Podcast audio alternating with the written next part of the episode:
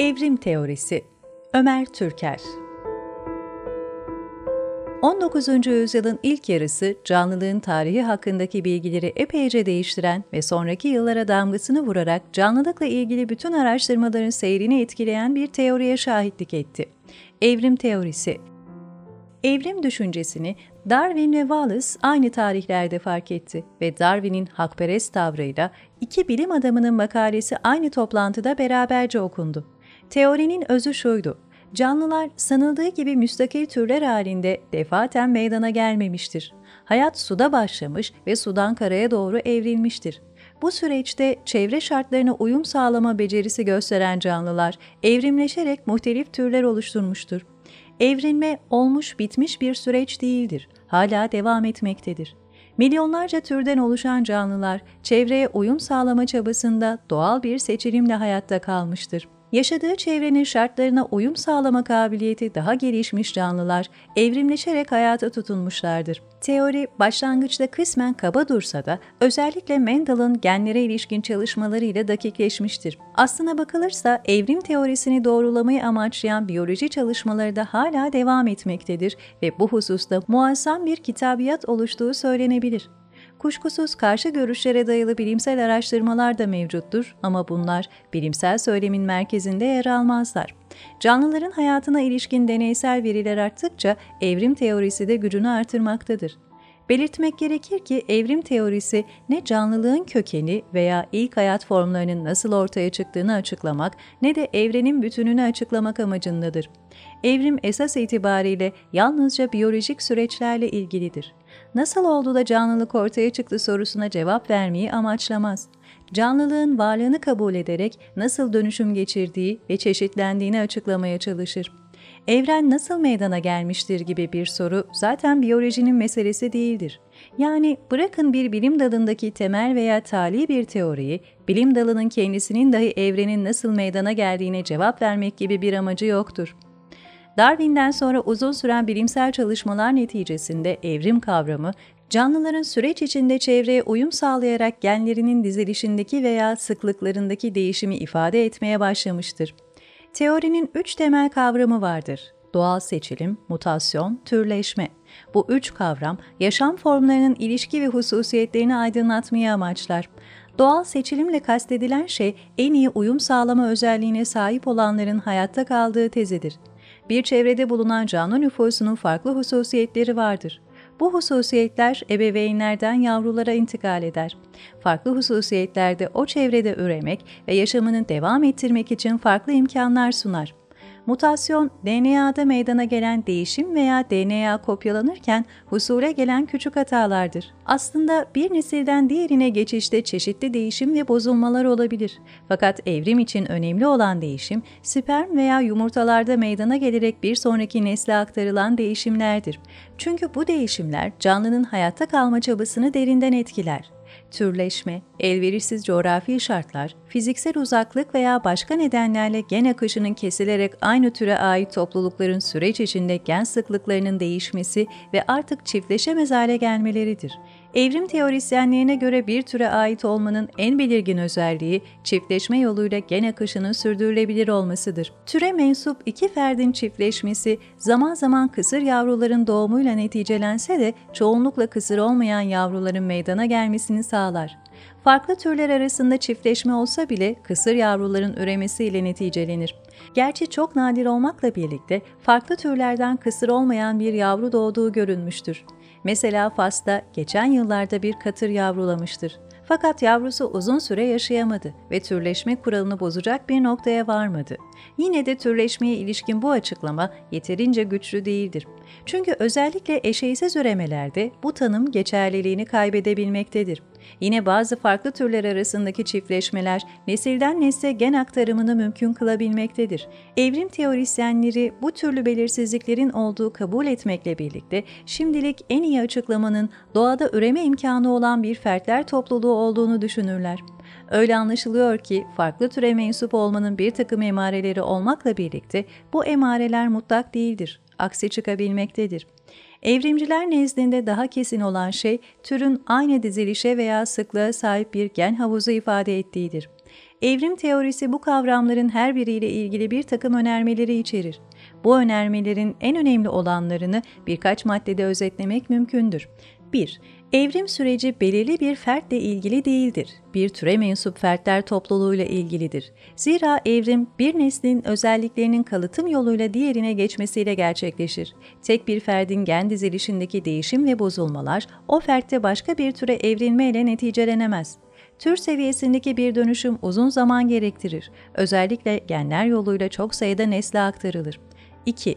Canlıların gen haritaları geriye doğru izlendiğinde bütün canlıların tek bir atadan geldiği sonucuna ulaşılmaktadır. Önceleri suda oluşan hayat, milyonlarca yıl süren bir evrimleşme neticesinde sayısını bilemediğimiz çoklukta bir canlılar çeşitliliğini meydana getirmiştir.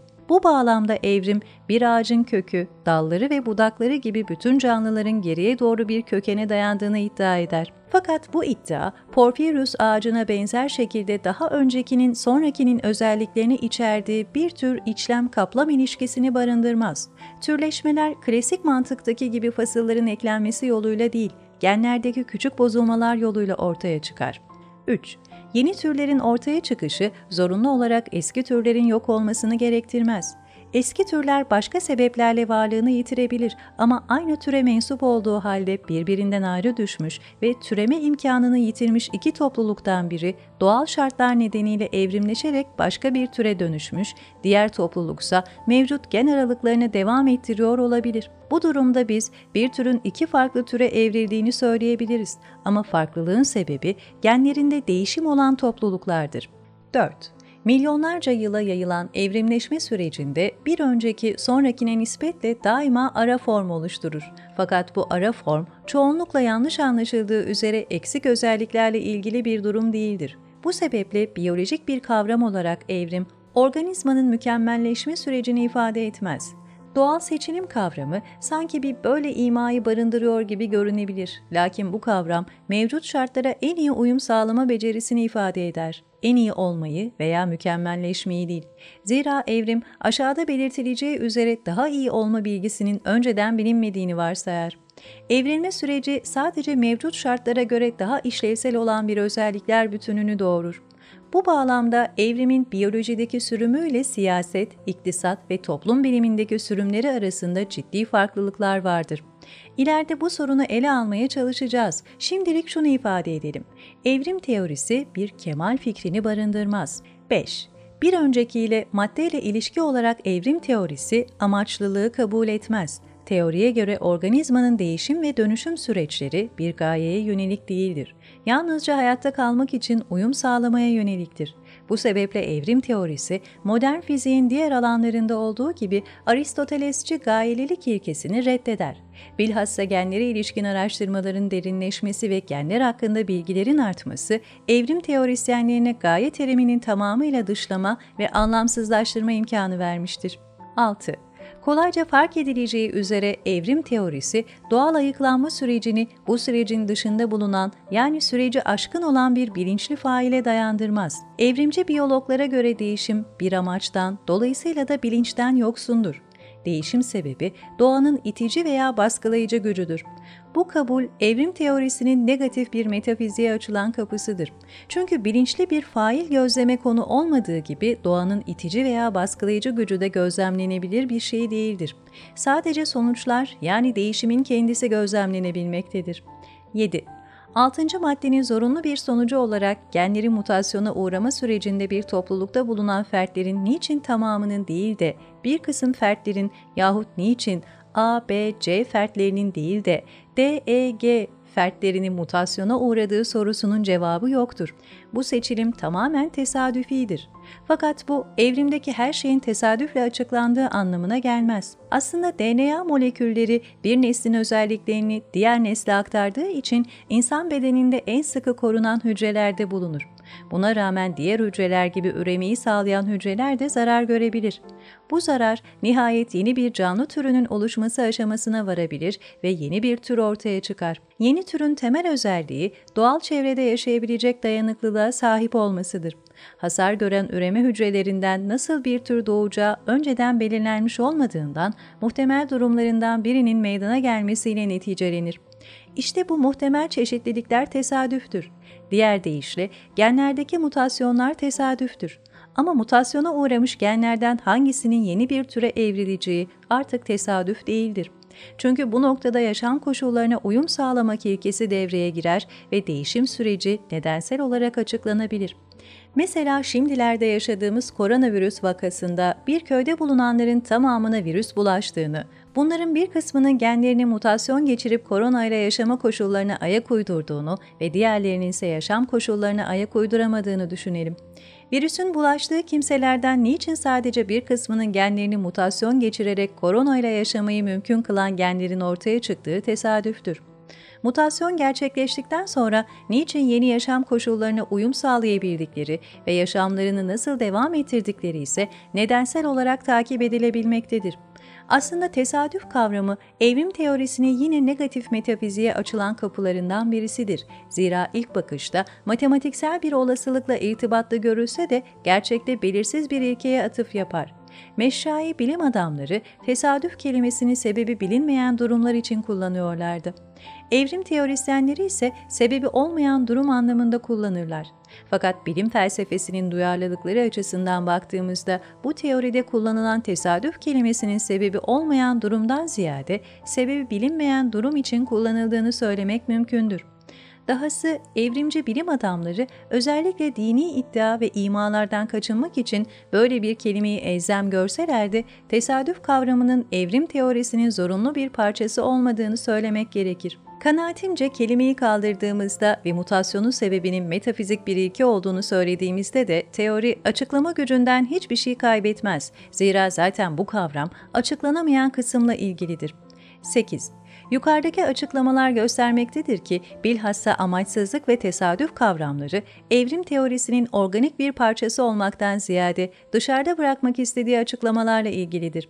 Bu durum bize evrimin diğer bilimlere açılan yönünü de ifşa eder.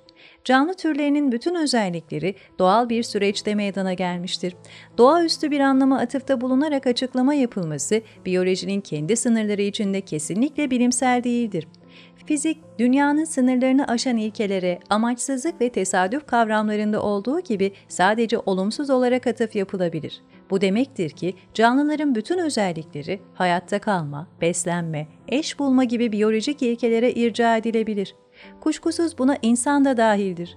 Evrim teorisinin özellikle toplum bilimlerindeki sürümleri, insani durum ve olguları biyolojik kökene irca etme temayül ve tercihini barındırır ve teoriyle ilgili tartışmaların önemli bir kısmı da bundan kaynaklanır. Aslında evrim teorisi biyolojide olduğu haliyle değişimin anlamını değil, gerekçelerini belirlemeye çalışır. Fakat gerek fizik dünyayı inceleyen disiplinlerden biri olarak dışarıda bıraktığı açıklamalar, gerekse toplum bilimlerindeki etkisi itibariyle mesele sadece değişimin olabildiğince uygun bir tasvirini sunma aşamasından çok öteye geçebilmektedir. Kuşkusuz bu maddelerin sayısını artırmak mümkündür. Fakat benim yapmak istediğim tartışma için şimdilik bu kadarının yeterli olduğu kanaatindeyim. Bir sonraki yazıda değerlendirme aşamasına geçeceğim. Değerlendirme esnasında ihtiyaç duyarsak teorinin eksik kalan parçalarını özetlemek amacıyla geri dönüşlerde yapabiliriz.